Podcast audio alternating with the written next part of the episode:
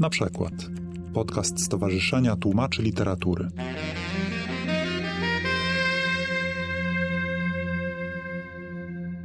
Dzień dobry Państwu. To jest pierwsze spotkanie z nowego cyklu literackiego Tłumacz w Muzeum. To jest taki cykl, którego bohaterami są oczywiście tłumacze, których chcemy Państwu pokazywać jak najczęściej. I to jest pierwsza okazja, dla której się dzisiaj spotkaliśmy. Druga to dziesięciolecie Stowarzyszenia Tłumaczy Literatury, którego obie jesteśmy członkiniami. Stowarzyszenia, które istnieje po to, żeby przede wszystkim zwiększać widoczność tłumacza i żeby zastanawiać się nad tym, czy tłumacz to rzeczywiście jest drugi autor, czy może tylko rzemieślnik, który korzystając z narzędzi, które ma, pracuje dla tego autora pierwotnego.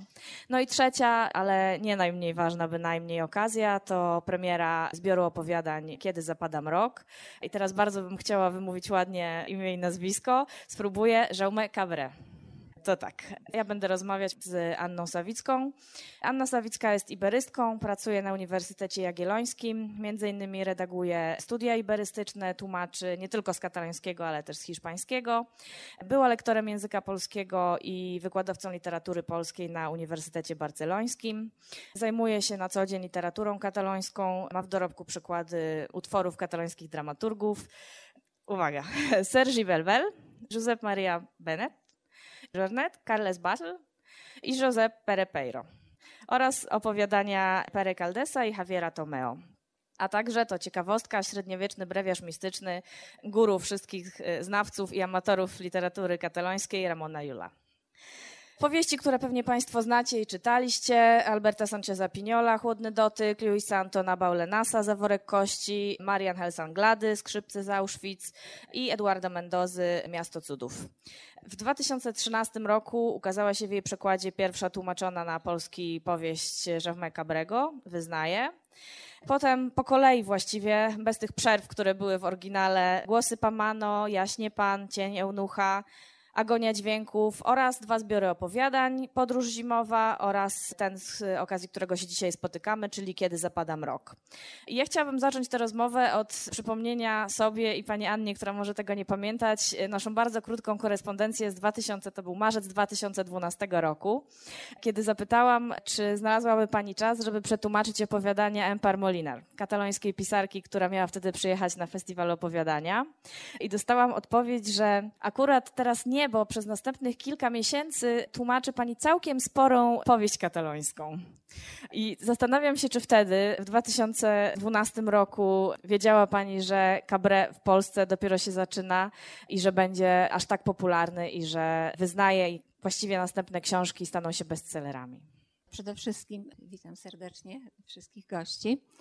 A panią chciałam bardzo przeprosić, że tak odpowiedziałam na, na maila. Całkiem zrozumiałe. Gdybym wiedziała, że się spotkamy w tak pięknych i miłych okolicznościach, to odłożyłabym tłumaczenie Cabrego i przetłumaczyłabym opowiadanie Permoliner i miałybyśmy za sobą bardzo dobrą współpracę. Mam nadzieję, że nic straconego, że na jeszcze pewno. się uda. Natomiast powieść, którą wtedy tłumaczyłam, rzeczywiście zaskoczyła mnie. No i muszę się przyznać, że kiedy widziałam ją w księgarniach w Katalonii, no to nie rzuciłam się na nią natychmiast, bo wydawała mi się trochę za gruba. Potem się okazało, że jednak wydawnictwo dostało sygnał z Barcelony, że to jest rzecz warta grzechu, że świetnie się sprzedaje, ma znakomite recenzje i wtedy mogłam o nią powalczyć, a nie było to takie oczywiste, ponieważ autor wskazał tłumacza. I to nie byłam ja. Na jakimś spotkaniu autorskim pojawił się student z Poznania, fascynat literatury katalońskiej i powiedział, że bardzo by chciał tę powieść przetłumaczyć. Więc zanim wydawnictwo podpisało ze mną umowę i ten student i ja musieliśmy przygotować próbkę, żeby pokazać, jakie mamy możliwości. Więc wydawnictwo wybrało mnie i no chyba dobrze, bo trochę miałam większe doświadczenie niż ten młody człowiek. Aczkolwiek doskonale rozumiem, bo czasem się człowiek e, rzuca na głęboką wodę, nie zdając sobie sprawy z tego, czy go zadanie przerasta, czy nie. Wymieniła Pani Księgę Przyjaciela i Umiłowanego Ramona Lula. I ja bardzo jestem przywiązana do tego przykładu, bardzo, bardzo go lubię. On jest w tej chwili już niedostępny, ale ludzie, którym się udało tę książkę kupić, jeszcze do tej pory czasem do niej nawiązują, dziękują, że coś takiego powstało.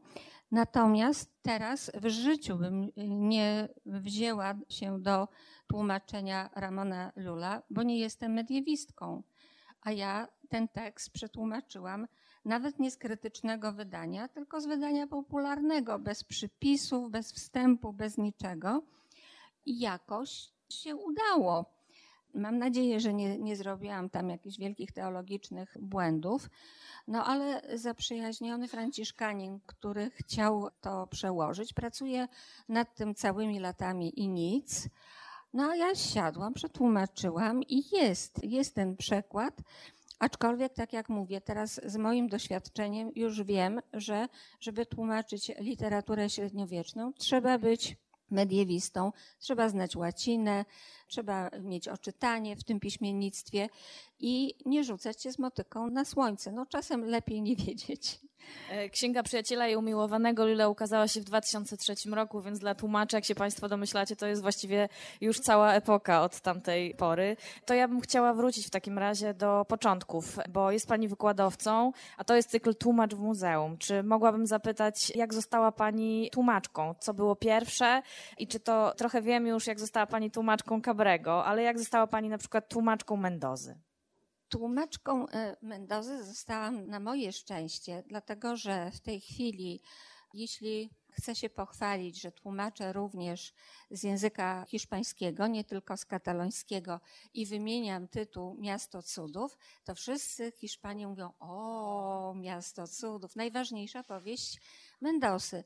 Natomiast moja koleżanka z pracy praktycznie ma na Mendosę w znaku monopol ale ta książka wydawała jej się troszkę mm, może za trudna, bo jest tam dużo historii, dużo takich odniesień lokalnych, a te książki Mendosy, które tłumaczyła, to były kryminały. No i zapytała, czy nie chciałabym przetłumaczyć. Chciałam, przetłumaczyłam i bardzo jestem zadowolona z tego, że taki przekład mi się udał. A poza tym to rzeczywiście była wyjątkowa przygoda, bo z reguły mm, próbuję wykorzystać znajomych do konsultacji przykładów moich i mój rodzony brat tutaj obecny odmawia współpracy. Natomiast przy Mendosie połykał te kolejne rozdziały jak cukiereczki. Tak mu się to podobało, no bo to jednak jest klasyka współczesnej literatury hiszpańskiej. To jest naprawdę bardzo ważna książka, więc bardzo się z tego cieszę, że się udało. Aczkolwiek te konsultacje różnie wyglądały, bo kiedyś wysłałam bratu rozdział kończący się akapitem poświęconym jednej z hal wystawowych na wystawie światowej w Barcelonie w 1888 roku, do której wtargnęli złodzieje. No i okazało się, że w tej hali są różnego rodzaju chronometry. Może sobie pani wyobrazić, ile mnie pracy kosztowało zidentyfikowanie tych chronometrów. Ale udało się. Zrobiłam przekład, wysłałam bratu i pytam, no jak? Podobało się w porządku? Tak, tak. Ja ci tam jakieś uwagi naniosłem. No a te chronometry? Chronometry? A nie, to pominąłem ten akapit. To nasze ulubione tłumackie historie tak naprawdę. A jak to jest być w Polsce tłumaczem z takiego małego języka, jakim jest kataloński? Bo wydaje mi się, że teraz mniej więcej 9 milionów osób y, po katalońsku czyta. Takie informacje znalazłam. My w Stowarzyszeniu Tłumaczy Literatury staramy się organizować takie panele, w których rozmawiamy właśnie o mniejszych językach. One są zwykle w Warszawie albo w Krakowie organizowane. Więc skoro mamy okazję posłuchać o tym, jak to jest być tłumaczem z katalońskiego, jakie pani trudności napotyka na co dzień. Takie również techniczne, słownikowe. Ja jestem takim szczególnym przypadkiem tłumacza, właściwie takim trochę niedzielnym tłumaczem, bo muszę przede wszystkim pracować ze studentami na uczelni i dlatego te moje początki przekładowe właśnie były związane z praktyką akademicką. Byłam w, w Barcelonie, tam byłam w środowisku katalońskim, też chodziłam na kursy, posługiwałam się tym językiem i uczyłam się katalońskiego, czytając autorów, których mi polecano. Po powrocie do Krakowa, dumna z siebie, poszłam do wydawnictwa literackiego i mówię, że są subwencje. Ja tutaj przetłumaczyłam opowiadania Pere Caldersa, może by to opublikować. Aha, no, więc mm, z jednej reakcja. Z jed, ba, wielki entuzjazm.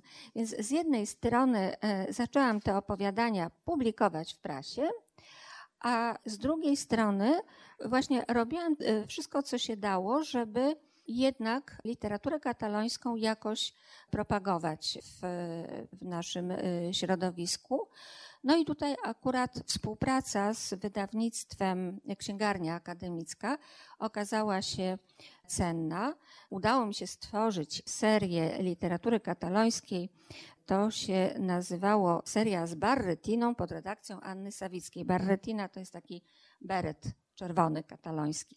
I tam ukazały się trzy bardzo ciekawe teksty. Anonimowy bestiariusz w tłumaczeniu Rosalii Sasor, Wiersze Żana Brosy, tutaj Marcin Kurek z Wrocławia tłumaczył, Merceru Dureda, opowiadania, Płatek Białej Pelargonii, Barbary Łuczak. Wszystko było pięknie. Ja tam czasem pisałam przedmowę, starałam się włączyć w proces wydawniczy, bo to jest e, wydawnictwo niekomercyjne.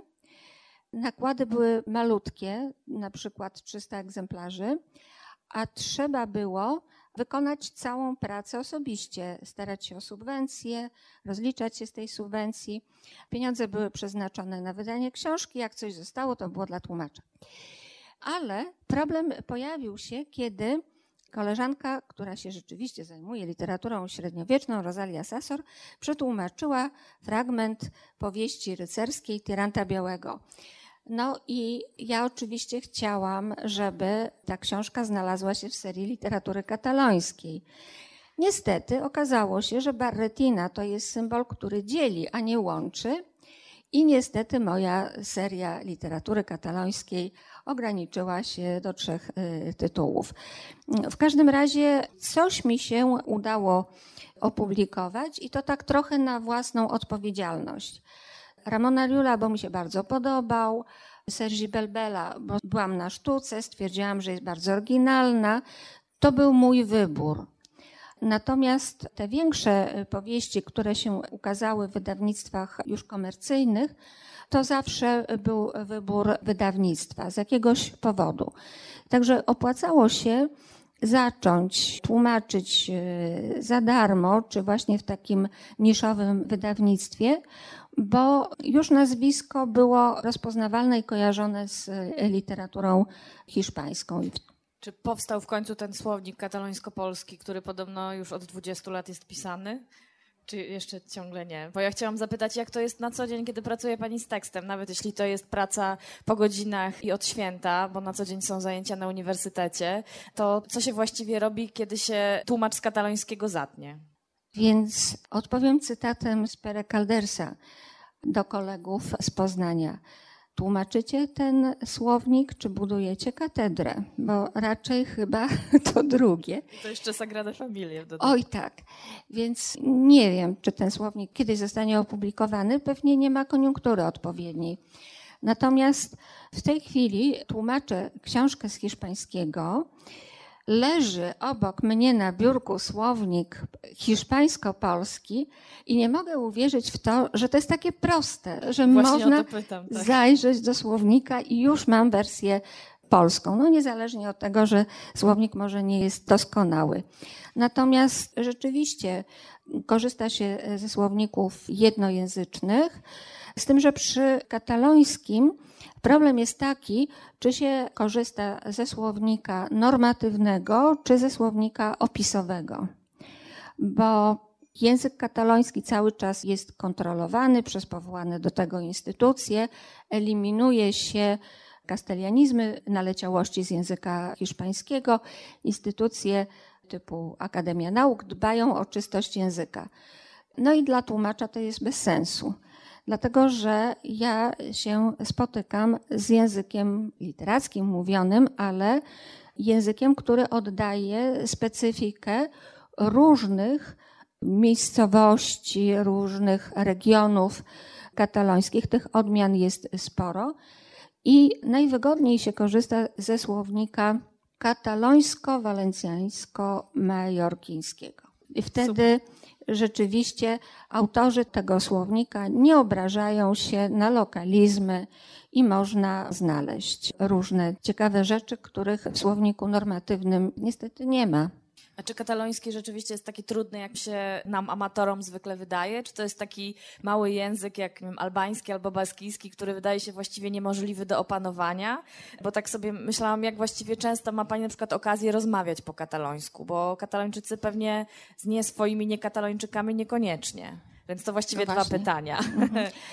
Tak, e, w Katalonii po katalońsku rozmawiam ze znajomymi. Katalończycy mają znakomity słuch i w momencie, kiedy zaczynam rozmowę i słychać obcy akcent, natychmiast przechodzą na hiszpański.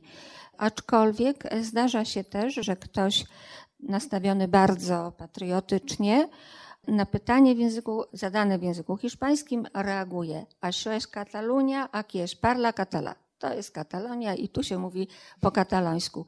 Nigdy mi się to nie przytrafiło, ale ponoć zdarza. zdarza się tak. Czy jest trudne? Kiedy uczyłam języka polskiego, zrobiłam schematy dla moich studentów, z których wynikało, że język kataloński i język polski mają bardzo dużo wspólnego jeśli chodzi o fonetykę i rzeczywiście to im pomagało w nauce. Jest bogatszy fonetycznie niż język hiszpański, dlatego trudno zrozumieć ze słuchu, jeżeli nie ma się obycia w tym języku, ale nie, nie wydaje mi się jakoś szczególnie trudny. A czy rzeczywiście jest tak, ja pamiętam jak czytałam Wyznaję, to to, co mi się rzuciło w oczy jak prawdziwej tłumaczce, to było takie zdanie, że jeden bohater mówił po katalońsku, drugi po rumuńsku i rozumieli się nawzajem. Czy to jest prawda? Czy to jest możliwe? Czy to jest taka trochę fikcja? To zależy o czym rozmawiali. Okay. E, oczywiście, bo użytkownik języka hiszpańskiego w Barcelonie w podstawowych życiowych kwestiach sobie znakomicie poradzi, ale o literaturze nie, nie podyskutuje, bo zbyt bogatym językiem posługuje się kultura, żeby dało się te wszystkie niuanse wyczuć na podstawie innego języka romańskiego. A od czego właściwie zależy, że autor, który urodzi się w ogólnie rozumianej Hiszpanii, ale w jednym z regionów autonomicznych albo literacko-autonomicznych, że tak powiem, decyduje się pisać właśnie po katalońsku na przykład albo po baskijsku, nie dwujęzycznie, bo wielu Basków pisze y, swoje teksty i po hiszpańsku i po baskijsku, na wszelki wypadek, jak rozumiem. Od czego to zależy właściwie? Od wychowania, od rodziny, od jakiejś świadomej decyzji? Jak to było na przykład z Cabrem? Wie Pani coś? To jest e, kwestia wyboru.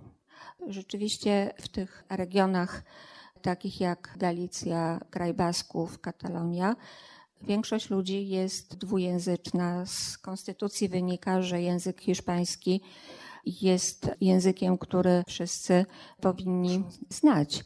Natomiast Cabré chodził do szkoły jezuitów zresztą, gdzie otrzymał wykształcenie w języku hiszpańskim i, i czyta oczywiście literaturę w języku hiszpańskim, znakomicie się tym językiem posługuje. Za język ojczysty uważa język kataloński, to jest język jego rodziny, a także język też tej kultury, z którą on się identyfikuje. To jest e, język z bogatym dorobkiem literackim i bardzo wiele osób dwujęzycznych decyduje się w tym języku pisać. E, nie pisał nigdy Cabré po hiszpańsku? Nie. A w takim razie jak, ym, czy ludzie zajmujący się literaturą, czy czytelnicy w Hiszpanii, czy wie pani, jak oni odbierają Cabrego? Bo nam się wydaje, że mnie się wydaje, że w Polsce on jest rzeczywiście bardzo popularny.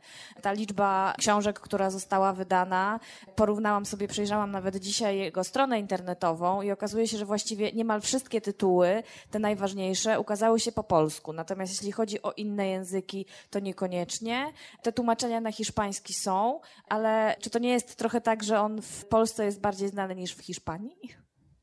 Na hiszpański jest tłumaczony i te przykłady z reguły ukazują się równolegle, aczkolwiek nie zawsze są akceptowane przez samego autora.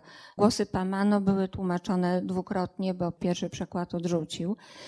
Więc tutaj dlaczego wydawane są równolegle, żeby wydawnictwo nie robiło konkurencji bo jeżeli czytelnicy są dwujęzyczni, to jeżeli kupią w języku hiszpańskim, nie kupią już w języku katalońskim, bo znają oba i właściwie jeden, jeden egzemplarz w domu wystarczy. Więc tutaj nie wiem, czy w Polsce jest bardziej znany niż w Hiszpanii, ale bardzo się cieszę, że jest znany. Natomiast zdaje się, że w Czechach po jednym przekładzie to zainteresowanie autorem się zupełnie rozmyło, nie, nie, była, Bo nie polski jest drugim językiem po hiszpańskim, z tego co zauważyłam, jeśli chodzi o liczbę tłumaczeń. No tak się złożyło. E, tak, mhm. tak, więc myślę, że możemy być dumni z tego, ale też również e, dzięki pani tak się pewnie stało, bo gdyby ten pierwszy przekład nie, niekoniecznie był udany, to później różnie mogłoby być. No, ja się bardzo, bardzo y, denerwowałam, czy on będzie udany. Ja się to myślę.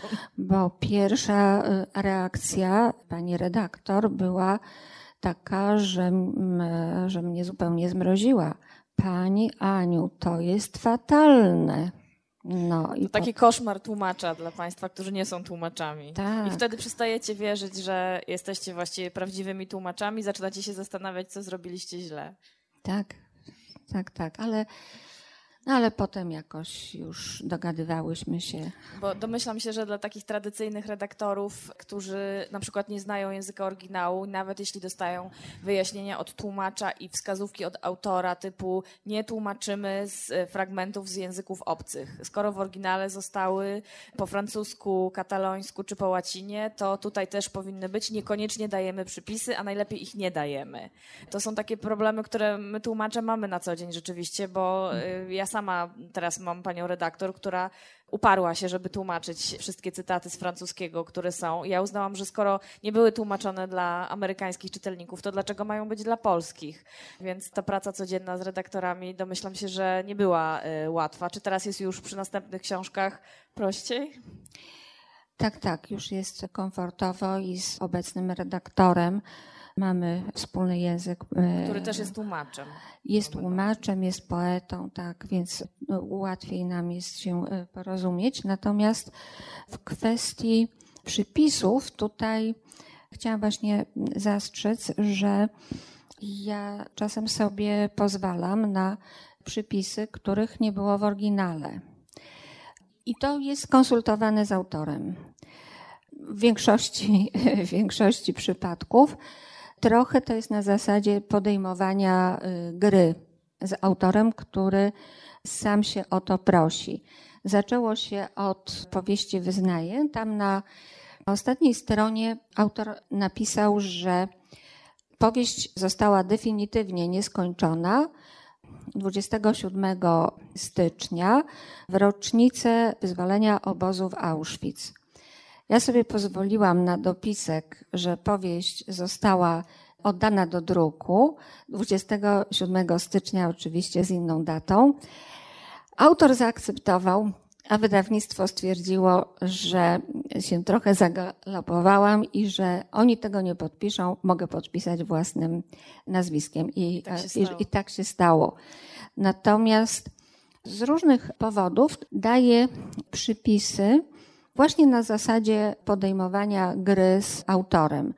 Na przykład w zimowej podróży jest takie opowiadanie, w którym święty Jan przed siódmą pieczęcią powiedział horresco referens. Drżę, kiedy o tym opowiadam. Przed siódmą pieczęcią. Aha, apokalipsa, dobrze. No to czytam apokalipsę od deski do deski, szukam, w którym momencie on to powiedział. No i w końcu znalazłam. Vergiliusz w Eneidzie. Czyli nie do końca. No więc dałam oczywiście przypis, skąd pochodzi Horresco Referens i dalej autor podaje cytaty z Pisma Świętego, z Świętego Mateusza, z Ewangelii, bardzo dokładne odnośniki, rozdział, wiersz od do. No i oczywiście zmyśla. No więc w przypisie podaje, co tam rzeczywiście w Piśmie Świętym, jak się sięgnie, można znaleźć. Albo na przykład w tej książce jest takie opowiadanie Ręce Małka. Pytałam autora, o co chodzi z tym małkiem, i powiedział, że chodzi o grafikę, której autorem jest Mauritis Cornelis Escher, rysujące ręce. Tak się nazywa ta grafika. Dlaczego Małk? E, dlatego, że Mauritisa w domu nazywano Małk. Zgadliby Państwo? Nie, i nie moglibyśmy też zapytać autora. Ja tak sobie myślę, że to jest marzenie każdego tłumacza mieć autora, który żyje i odpowiada na maile. Tak, tak, odpowiada, odpowiada na maile, współpracuje, aczkolwiek Daje różnie. Się przyłapywać. Tak, bardzo dobrze się bawi, aczkolwiek różnie ta współpraca wygląda, bo na przykład do powieści Wyznaję dostałam listę ukrytych cytatów. Jak To jest już, właśnie moje następne pytanie. jak je już powieść przetłumaczyłam, Ojej. czyli to było za późno. Potem jeszcze z kolejną powieścią Głosy Pamano miałam podobną przygodę.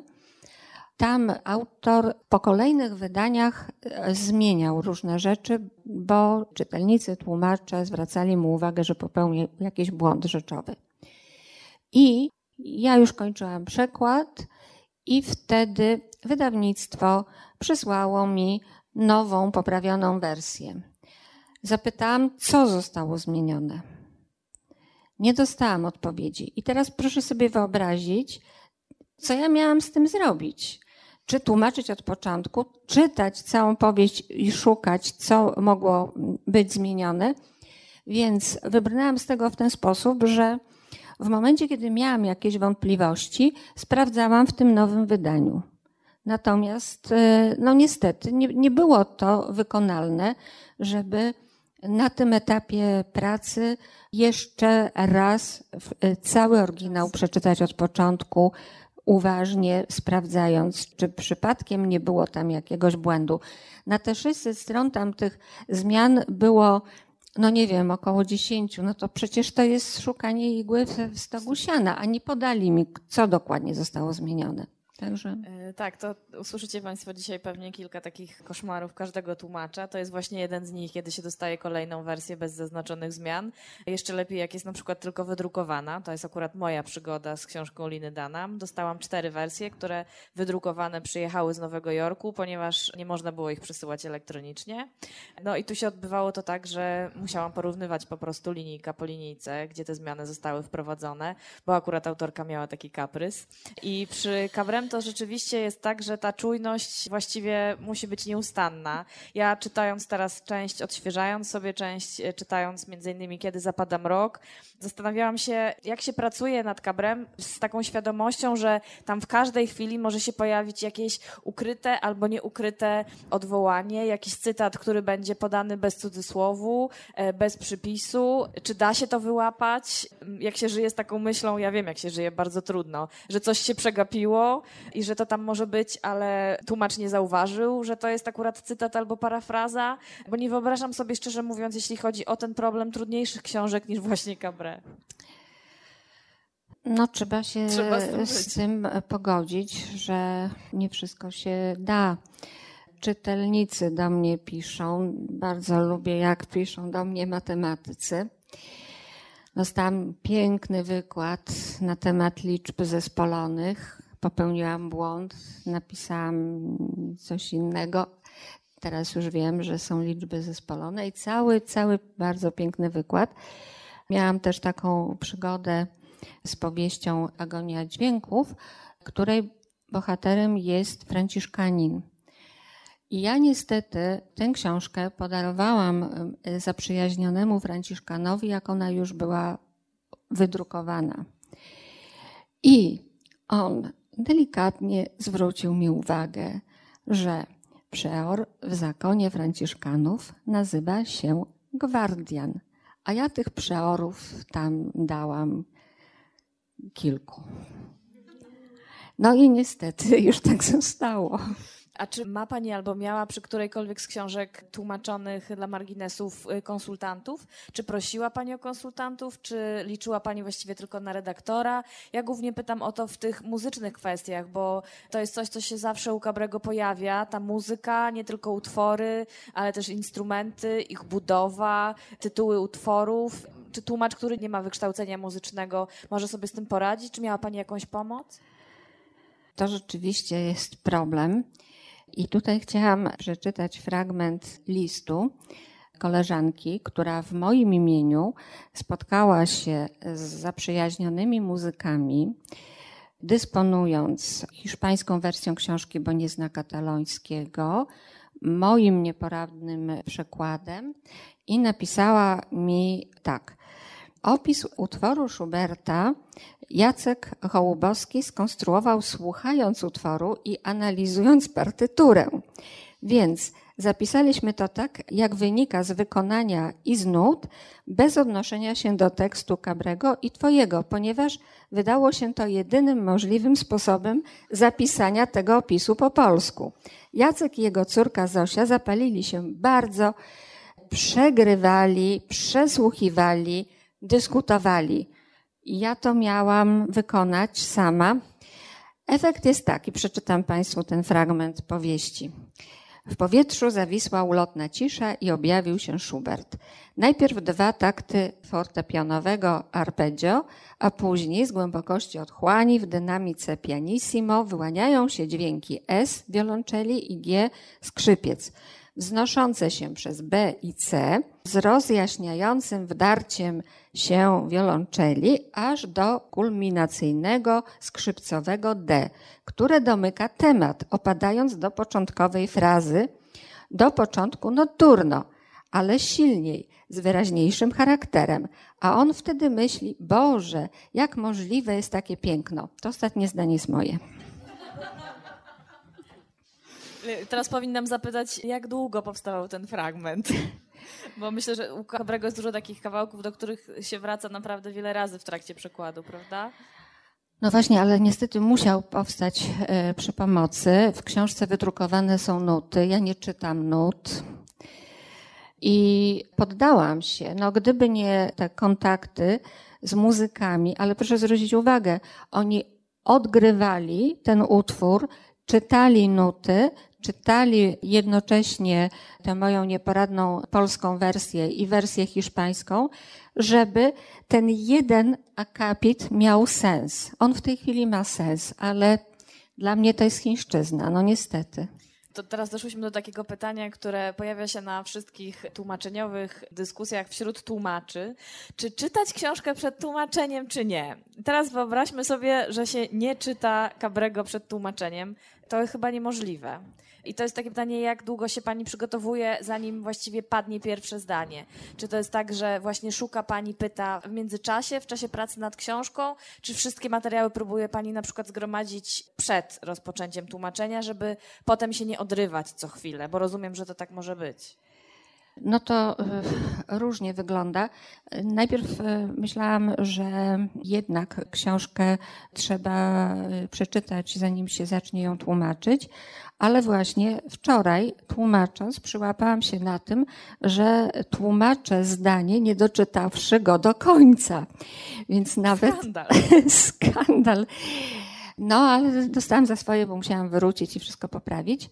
Natomiast właśnie trochę to jest tak, że na pewnym etapie znajomości ja te książki Cabrego już znałam i czytałam, zanim zaczęłam je tłumaczyć. Wyznaję nie przeraziło, bo taka gruba książka, musiałam szybko zdecydować, czy chcę to tłumaczyć, czy nie. Więc rzeczywiście zaczęłam tłumaczyć, nie doczytawszy do końca. Ale ponieważ tam wszystko jest powiązane, tworzy taki zamknięty system, więc w pewnym momencie odłożyłam i przeczytałam do końca, co mi ułatwiło tłumaczenie. Inaczej by się nie dało. Natomiast co do bibliografii, no po prostu każda książka wymaga swojej osobnej bibliografii. I na przykład Głosy Pamano, to wtedy w turystycznym sklepie w Barcelonie wykupiłam połowę książek na temat Pirenejów. Rzecz się dzieje w Pirenejach. Musiałam się orientować, o co tam właściwie chodzi. Przy książce Agonia Dźwięków myślałam, że w bibliotece uznają mnie za nowicjuszkę jakiegoś zakonu, bo wypożyczałam bardzo dużo książek z literatury zakonnej, na przykład Sanctimoniales, zakony żeńskie w Polsce i Europie Środkowej do przełomu XVIII i XIX wieku. I proszę sobie wyobrazić, że tam znalazłam bezcenną informację, bardzo się zresztą z tego ucieszyłam, że siostry zakonne w tych odległych czasach nie miały żadnych problemów z tworzeniem form żeńskich. Więc ekonomka, kantorka, kuchmistrza, szafarka, prasowaczka, prowizorka, nosiwodka, ślusarka, warzywniczka, dzwonniczka, rękodzielniczka. Więc jak już dostałam taki materiał, no to dalej już poszło. Ale trzeba było do tego dotrzeć. To są autentyczne nazwy, no ale tej literatury zakonnej przeczytałam bardzo dużo. I tak się też zastanawiałam, no pff, może trzeba by było pójść do jakiegoś zakonu na konsultację, przegadać, e, przegadać ale trochę mi było wstyd, no bo te zakonnice tam nie są przedstawione w najlepszym świetle, jakbym się musiała z tego tłumaczyć. Byłoby mi głupio. No więc wybrałam jednak literaturę. Ale to nie jest tak, że tylko jakieś dziwne sprawy, bo konsultacje są potrzebne w podstawowych dziedzinach. Ja nie prowadzę samochodu, nie jeżdżę na nartach. Dla mnie to. Ale tu można znaleźć konsultanta chyba dość szybko, a jeśli chodzi o te bardzo specyficzne, kabrowskie rzeczy, to nie jest takie proste. Właśnie, mu muzyka chyba najbardziej, zakon też, y, ale też. No, ale z, z, muzyką mam pewne doświadczenie, bo tłumaczyłam książkę Skrzypce z Auschwitz i przeszłam całą drogę lutnika, bo musiałam skonstruować skrzypce. skrzypce. Chodzą, jest, jest taki podręcznik, pracowałam z tym podręcznikiem, ale naprawdę była to droga przez mękę. Zbudowałam skrzypce. Ja miałam na początku przygotowane takie pytanie, czy inaczej się tłumaczy, jeśli chodzi o Cabrego, ale też innych autorów powieści i opowiadania. Po czym przeczytałam oba zbiory opowiadań i pomyślałam sobie, że właściwie u Cabrego to te opowiadania i tak łączą się w łączą taką się. bardzo mhm. jednolitą opowieść i to pytanie trochę upadło. Jeśli chodzi o ten tom, to tam motywem przewodnim jest, co widać zresztą po okładce, y, zabójcy na zlecenie, mordercy. I najpierw sobie pomyślałam, bo nie widziałam okładki, czytałam w PDF, I pomyślałam sobie, Jezu, co ten autor ma z tymi mordercami? Przecież to potem może się śnić. A potem sobie pomyślałam, że to świetny bohater właściwie. Doskonały do odtwarzania w różnych motywach i w różnym czasie. Więc rozumiem, że to pytanie właśnie o różnicę między przekładaniem powieści a opowiadań u Cabrego to właściwie nie ma racji bytu, prawda? A może to jest mój taki nauk po przetłumaczeniu kilku powieści, że ja szukam wspólnych motywów, wspólnych tematów. I potem powstała taka tradycja, indeks postaci. Ten indeks w oryginale był w powieści Wyznaje, w powieści Głosy Pamano nie, tylko był w przekładzie niemieckim, ale przyjęliśmy w wydawnictwie, że indeks postaci będzie w każdej książce i stąd właśnie tłumacząc już też przygotowałam taki indeks postaci do zbiorów opowiadań. Miałam przy tym znakomitą zabawę, bo też mogłam sobie pozwolić na ironię. Co... Ten indeks, który tłumacze lubią robić, bo takich zwykłych indeksów to nie lubię. I tutaj autor bardzo mnie wsparł w tym i też się znakomicie bawił, bo na przykład w powieści Cień Eunucha główny bohater ma mnóstwo przydomków. I ja pracowicie wszystkie wyliczyłam. Bardzo się ucieszył z tego autor, a ja też miałam zabawę i nie jest to taka bezduszna rejestracja postaci, które występują, tylko taka troszkę z przymrużeniem oka, no ale zaakceptowana przez autora. I tam wtedy podaje, w których opowiadaniach pojawia się ta postać. No nie zawsze mi się udaje to wszystko dokładnie przeanalizować, także coś jeszcze zostawiłam dla czytelników. Tak, to dla czytelnika też zawsze jest praca. Ja sobie nie wyobrażam czytania książek Cabrego bez zaglądania nawet tutaj do wyszukiwarek, czasem do sprawdzania, co to jest buttubatta na przykład. I oprócz tego, że ma jakieś swoje znaczenie po łacinie, to też pojawiło się w 1525 roku jako nazwisko jakiegoś bohatera antykomicznego, więc to jest ciężka praca nie tylko dla tłumacza, ale też dla czytelnika. Ja chciałam zapytać, bo już jakby rozmawiając bardziej o tej książce i o czasie, to są właściwie też dwa tematy, jak to zwykle w moich pytaniach, bo ja dopiero teraz zdałam sobie sprawę, przygotowując się do tego spotkania, że książki Cabrego w Polsce wychodziły z ogromnym opóźnieniem. I nie wszyscy mogą wiedzieć, że to jest właściwie pierwsza książka po wyznaje, prawda? Jeśli chodzi o tak, oryginalne. Tak, tak, e, tak. Mhm. Natomiast u nas w międzyczasie pojawiły się wszystkie pozostałe powieści, niektóre wydane z poślizgiem 18-20 lat. Więc myślę sobie, że dla polskiego czytelnika to może być trochę dziwne, że czyta książkę w Polsce wydaną dwa czy trzy lata temu, a tam ciągle są pesety i właściwie dlaczego. Mhm. I dopiero kiedy się sprawdzi bibliografię Cabrego, to się okazuje, dlaczego tak jest. Ale ja chciałam zapytać o to, jak ten zbiór został odebrany w Hiszpanii. Bo domyślam się, że hiszpańscy czytelnicy czekali na to, co się ukaże po wyznaje. I co?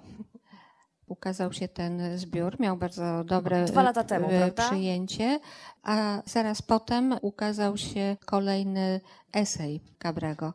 On zwykle przeplata fikcję taką refleksją teoretyczną. Opublikował już trzy książki więc nie zostawia swoich czytelników, cały czas się coś dzieje, ale nawet ze względów zdrowotnych raczej nie podejmie tworzenia znów takiej wielkiej powieści, jak wyznają. To, to chyba zajęło jedną, mu 8 jedną lat. W życiu się, jedną w życiu się tak, chyba tłumaczy. Tak, A ile myślę, pani zajęło tak. tłumaczenie wyznaje? Bo właściwie nie ma nikogo z wydawnictwa, żeby mi wypomnieć, że nie dotrzymałam terminu umowy. No prawie dwa lata. Prawie dwa mhm. lata, no właśnie, bo to nie, wyobrażam sobie, żeby to mogło być krócej i też nie wyobrażam sobie, że można by wtedy żyć tylko z tłumaczenia, bo, bo się nie da, by każdy tłumacz chyba y, umarł z głodu. Ja chciałam trochę odbiec od Cabrego i zapytać jeszcze o panią, o dwie rzeczy, o miejsca w Katalonii i o obrazy, bo o muzyce już rozmawialiśmy, państwo pewnie nie wiedzą, że pani Anna stworzyła nawet spis utworów, to chyba przy wyznaje było muzycznych, żeby można zrobić sobie taką ścieżkę dźwiękową, gdzie się znalazłam jeśli chcielibyście posłuchać utworów, które pojawiają się w Wyznaje, niekoniecznie wracając do książki, to taka lista istnieje i można sobie ją nagrać. Ale to chyba prywatnie, bo ja różne indeksy tworzyłam do tej książki, różne zagadnienia wymagały osobnych badań, więc również spis utworów jest. Tym bardziej, że prosił mnie o to chyba Michał Nogaś, bo chciał do audycji na temat tej powieści, przygotować tło muzyczne i wtedy zastanawialiśmy się, co mogłoby być i stąd wyciągnęłam te utwory, które tam się pojawiają u Cabrego. A te miejsca, bo ja jak zaczynałam czytać Cabrego, to myślałam sobie, że na pewno w Barcelonie czy w Pirenejach można by chodzić miejscami Cabrego i zrobić sobie taką mapę. Potem się okazało, że niekoniecznie. Czy pani teraz po przełożeniu tylu książek Cabrego inaczej patrzy na przykład na Katalonię i na miejsca, które tam pani odwiedza? Tak, robiłam zdjęcia tych sklepów, tych domów, które się pojawiają w powieści. Zaprzyjaźniłam się z właścicielem sklepu, w którym rodzina Cabrego robiła zakupy, a mieszkała naprzeciwko. Natomiast właśnie, czy można przejść trasą Cabrego w Pirenejach? Jest taka trasa i prawie mi się udało wziąć udział w wyprawie czytelniczej do klasztoru Brugal, który występuje w tej powieści. Dostałam serię zdjęć od autora, natomiast to było chyba dwa dni po moim wyjeździe z Hiszpanii, więc niestety nie miałam okazji. Ale autor obiecał, że kiedyś mnie zabierze. może zabierze, może nie zabierze. W każdym razie wiem, że jest to możliwe, prześledzenie właśnie tej trasy w Pirenejach. A w Barcelonie, no w Barcelonie też Tam jak są najbardziej takie punkty, można. Tak, Mhm. dla kogoś, kto tak z czysto turystycznego punktu widzenia sobie tę Barcelonę czyta, to różne miejsca może odnaleźć. Dlatego I nie zmieniałam nazw własnych, żeby można było je znaleźć na planie miasta.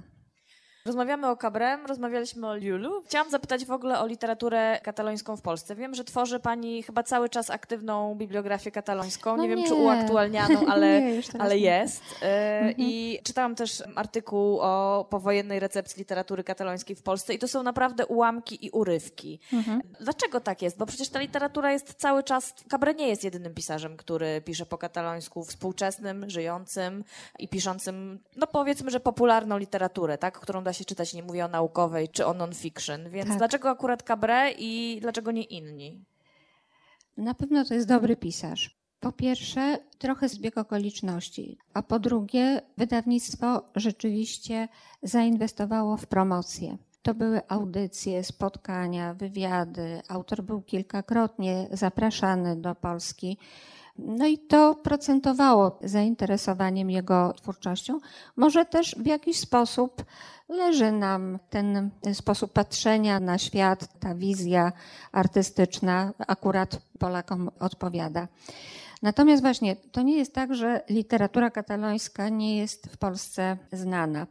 Ja rzeczywiście robiłam pracowicie indeks tych utworów, które się ukazały do 2004 roku, ale potem nastąpił boom, zmieniły się zasady, i rynek wydawniczy.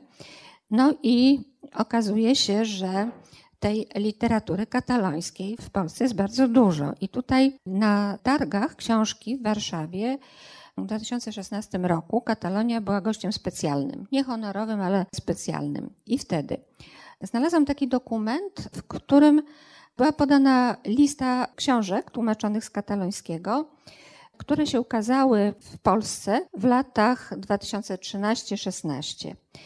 I proszę sobie wyobrazić, że w tym czasie opublikowano 44 tytuły. Z tym, że są to książki przeróżne. Literatura dziecięca i młodzieżowa, futbol, komiks, kryminał, literatura sensacyjna, romans, poezja, literatura gatunkowa. Jest taki na przykład autor Enrique Llull, którego opublikowano osiem książek. Aż. Więc pozwolę sobie przeczytać tytuły. Duch, mumia, zombie, dziad z workiem, potwór z szafy, wilkołak, kościotrup, ogr. Literatura gatunkowa. I teraz zaangażowało się w to 16 wydawnictw. Opublikowano 23 autorów, 23 autorów. Natomiast tłumaczyło tę literaturę 16 tłumaczy. I teraz pytanie, czy język kataloński jest rzeczywiście aż tak znany w Polsce, że znalazło się 16 osób, które tłumaczą. No i jest całkiem prawdopodobne, że tłumaczą to z innego języka, nie z katalońskiego, tylko na przykład z hiszpańskiego. No i właśnie ja mam taką koncepcję i taką propozycję jako członek Stowarzyszenia Tłumaczy Literatury, że w momencie, kiedy książka jest tłumaczona nie z oryginału, tylko z przekładu, powinno się pojawić nazwisko tłumacza, bo ta książka ma już dwóch ojców. Tak, no STL jakby jest temu przeciwny, z tego co wiem. Ostatnio też była taka dyskusja, żeby jeśli to nie jest konieczne, tego nie robić. Nie pamiętam już o jaki język chodziło, ale to się pojawiło, więc zdecydowanie dwóch ojców. Zdecydowanie. Albo dwie matki, no różnie to bywa. No ale to są też prawa autorskie tłumacza. A poza tym każdy przekład, każdy kontakt z książką zostawia ślad indywidualności twórczej tej osoby, która wyraża się w konkretnym języku. Osoby, języka, to nie jest obojętne i nawet jeżeli te języki są zbliżone, jest ta sama rodzina języków, to jednak tekst się zmienia w przekładzie. Ja też miałam takie doświadczenie, tu się przyznaję, że korzystam z przekładów hiszpańskich w momencie, kiedy czegoś nie rozumiem. Korzystam tak, jakby to był słownik. Wychodzę z założenia, że jeżeli chodzi o realia i czegoś nie zrozumiałam, to ktoś, kto mieszka tam, szybciej to zrozumie. A hiszpański jednak znam lepiej niż kataloński, więc jak mi ktoś to wyłoży w swoim języku, to niewykluczone, że mi się przyda. Ale niestety parę razy się nacięłam, bo okazało się, że pojawiły się kalki językowe. Ktoś po prostu z katalońskiego przeniósł na hiszpański, tylko niestety w hiszpańskim to znaczy co innego. Więc trzeba z dużą dozą ostrożności podchodzić do cudzych przekładów. Ja trochę nawiązując do tej rozmowy o dwóch ojcach i dwóch matkach, chciałabym zapytać o to, co dla między innymi stowarzyszenia, ale chyba dla każdego tłumacza jest bardzo ważne. To znaczy o widoczność tłumacza. Czy warto o nią walczyć, czy warto zwracać uwagę wydawnictwom na to, kto tłumaczył, czy akcje, które podejmujemy, czasem trochę zabawne, czasem takie będące orką na ugorze, zakładanie koszulek na targi książki w Warszawie, oplakietkowywanie się, robienie stoisk czy warto, czy tłumacz rzeczywiście jest drugim ojcem i tak samo artystą jak pisarz, czy tylko rzemieślnikiem, który sobie z tego języka korzysta? Miałam mieszane uczucia, kiedy w mojej ulubionej księgarni, gdzie kupuję książki elektroniczne, e-booki, znalazłam nową powieść Manuela Villasa zatytułowaną Ordesa i na pierwszym miejscu było nazwisko tłumacza. Carlos Marrodan Casas. Potem sobie uświadomiłam, że właściciel tej księgarni zobaczył dwa obce nazwiska i nie bardzo wiedział, kto jest autorem, kto jest tłumaczem. O Jezu. Ale bardzo, bardzo mnie to rozśmieszyło jako no, parodia tej widoczności tłumacza, którą się dopominamy. W którym miejscu ma być nazwisko tłumacza, czy dużymi literami, czy małymi literami. No i tutaj właśnie na przykład miałam mieszane uczucia w związku z edycją tej książki, bo tak wyszło, że na temat Anny Sawickiej jest cała strona, a na temat autora na końcu jakieś trzy linijki. No więc nie no, fajnie, ja się cieszę, ale powinna być jakaś proporcja. Oczywiście wiadomo, tam jest posłowie, ziomy Cabrego. Nie wiem, czy byłby sens, żeby robić też taką wstawkę informującą o jego twórczości, czy coś jest potrzebne, no ale tak się trochę, trochę głupio y, poczułam. Natomiast w momencie, kiedy się zorientowałam, że bardzo dużo osób tłumaczy literaturę katalońską z hiszpańskiego, no to przyszło mi do głowy, że powinno być nazwisko tłumacza. Na przykład głosy Pamano były tłumaczone dwukrotnie.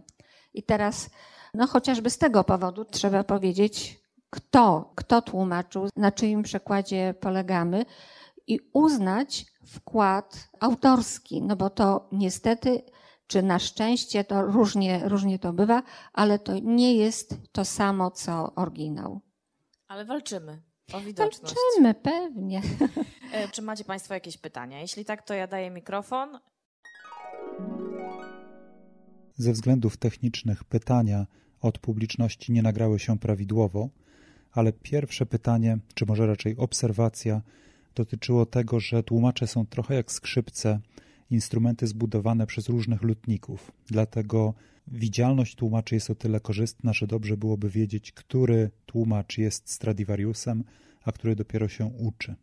No to tak trochę i na dobre i na złe powinno być nazwisko tłumacza. Nazwisko powinno być zawsze. To jest Natomiast... też kwestia tego, jaki jest biogram, czy jest biogram, czy tak, jest tak, zdjęcie. Tak, tak, to... E, natomiast właśnie z tym Stradivariusem, to tutaj chciałabym zastrzec, bo nawet dyskutowaliśmy na, na zebraniu Stowarzyszenia Tłumaczy, bo jest tak, że książka może mi pasować albo nie. Jedną książkę przetłumaczę i ja się w jej klimacie odnajduję, a z kolei inną położę. I to wcale nie znaczy, że, że jestem beznadziejna i że powinnam zmienić zawód. Poza tym, są tłumacze genialni. Na przykład ja bardzo lubię Stanisława Barańczaka jako tłumacza. A ile ma krytyk? Bo czepiają się, że nie tłumaczy wiernie. Więc tutaj Stradivarius... Mamy zakaz cytowania na przykład przekładów Szekspira, no autorstwa tak, Barańczaka, tak, jeśli tak, cytujemy tak, podwójnie. To prawda. Tak. Tutaj uściślenie tej analogii do instrumentu muzycznego dotyczyło tego, że Za nazwiskiem tłumacza stoi również pewien warsztat i pewna renoma. Na przykład po Barańczaku wiadomo z góry, czego się spodziewać. Tak, ja często wybieram lekturę, książkę według nazwiska tłumacza, bo wiem, że mogę na nim polegać i że mogę się od niego czegoś nauczyć. Na przykład czytałam ostatnio Lincoln w Bardo w przekładzie Kłobukowskiego i wtedy e, zrobiło mi się żal, że dopiero teraz, bo gdybym e, wcześniej przeczytała, to wiedziałabym, jak można stylizować opowiadanie Poldo, które tam jest w, w tym zbiorze. Od Kłobukowskiego się dowiedziałam, jak to się robi. Natomiast ja się poddałam i przetłumaczyłam to standardowym językiem a jednak można było inaczej, już teraz wiem, jak do tego podejść. Także czytam na przykład książki według nazwisk tłumaczy, oczywiście. Co też i Państwu polecamy. E, jakieś, to ja chciałabym prosić teraz, zapytałam w trakcie naszych przygotowań do tego spotkania panią Annę, poprosiłam, czy mogłaby przeczytać coś, co... A, tak, tak ja mam. Ja mam tu, proszę. Tak. To jest przykład, który się ukaże w biurze literackim. Autor Pere Calders to jest ten, którego usiłowałam sprzedać wydawnictwu literackiemu.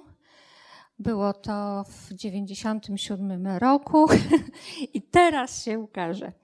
Opowiadanie zatytułowane jest Rzeczy pozornie bez znaczenia. Przez długi czas mieszkałem w pensjonacie blisko portu.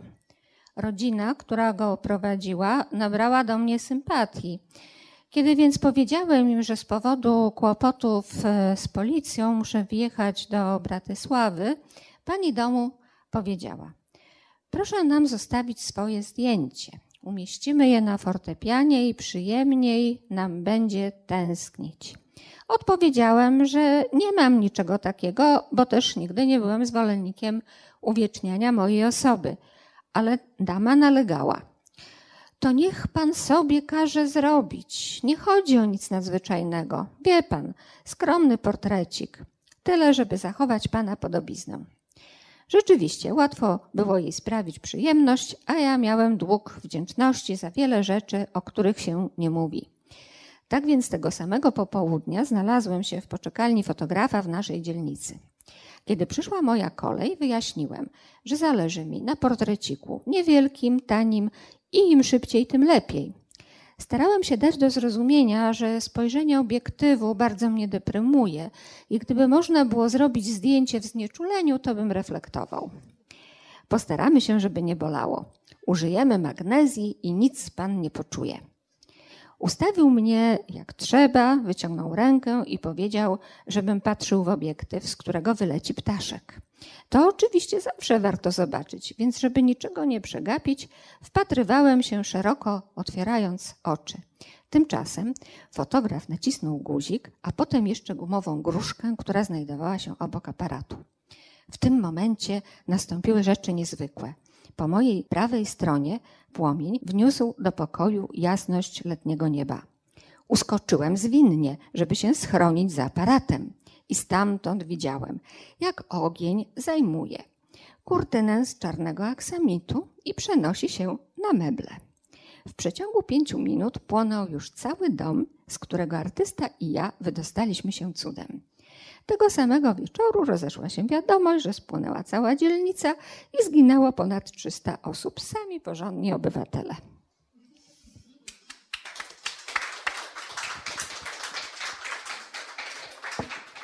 Dziękuję Państwu bardzo. To było pierwsze spotkanie z cyklu Tłumacz w Muzeum. Mam nadzieję, że nie po raz ostatni się tutaj spotkaliśmy. Pani Anno, bardzo dziękuję za spotkanie i za rozmowę. Do zobaczenia.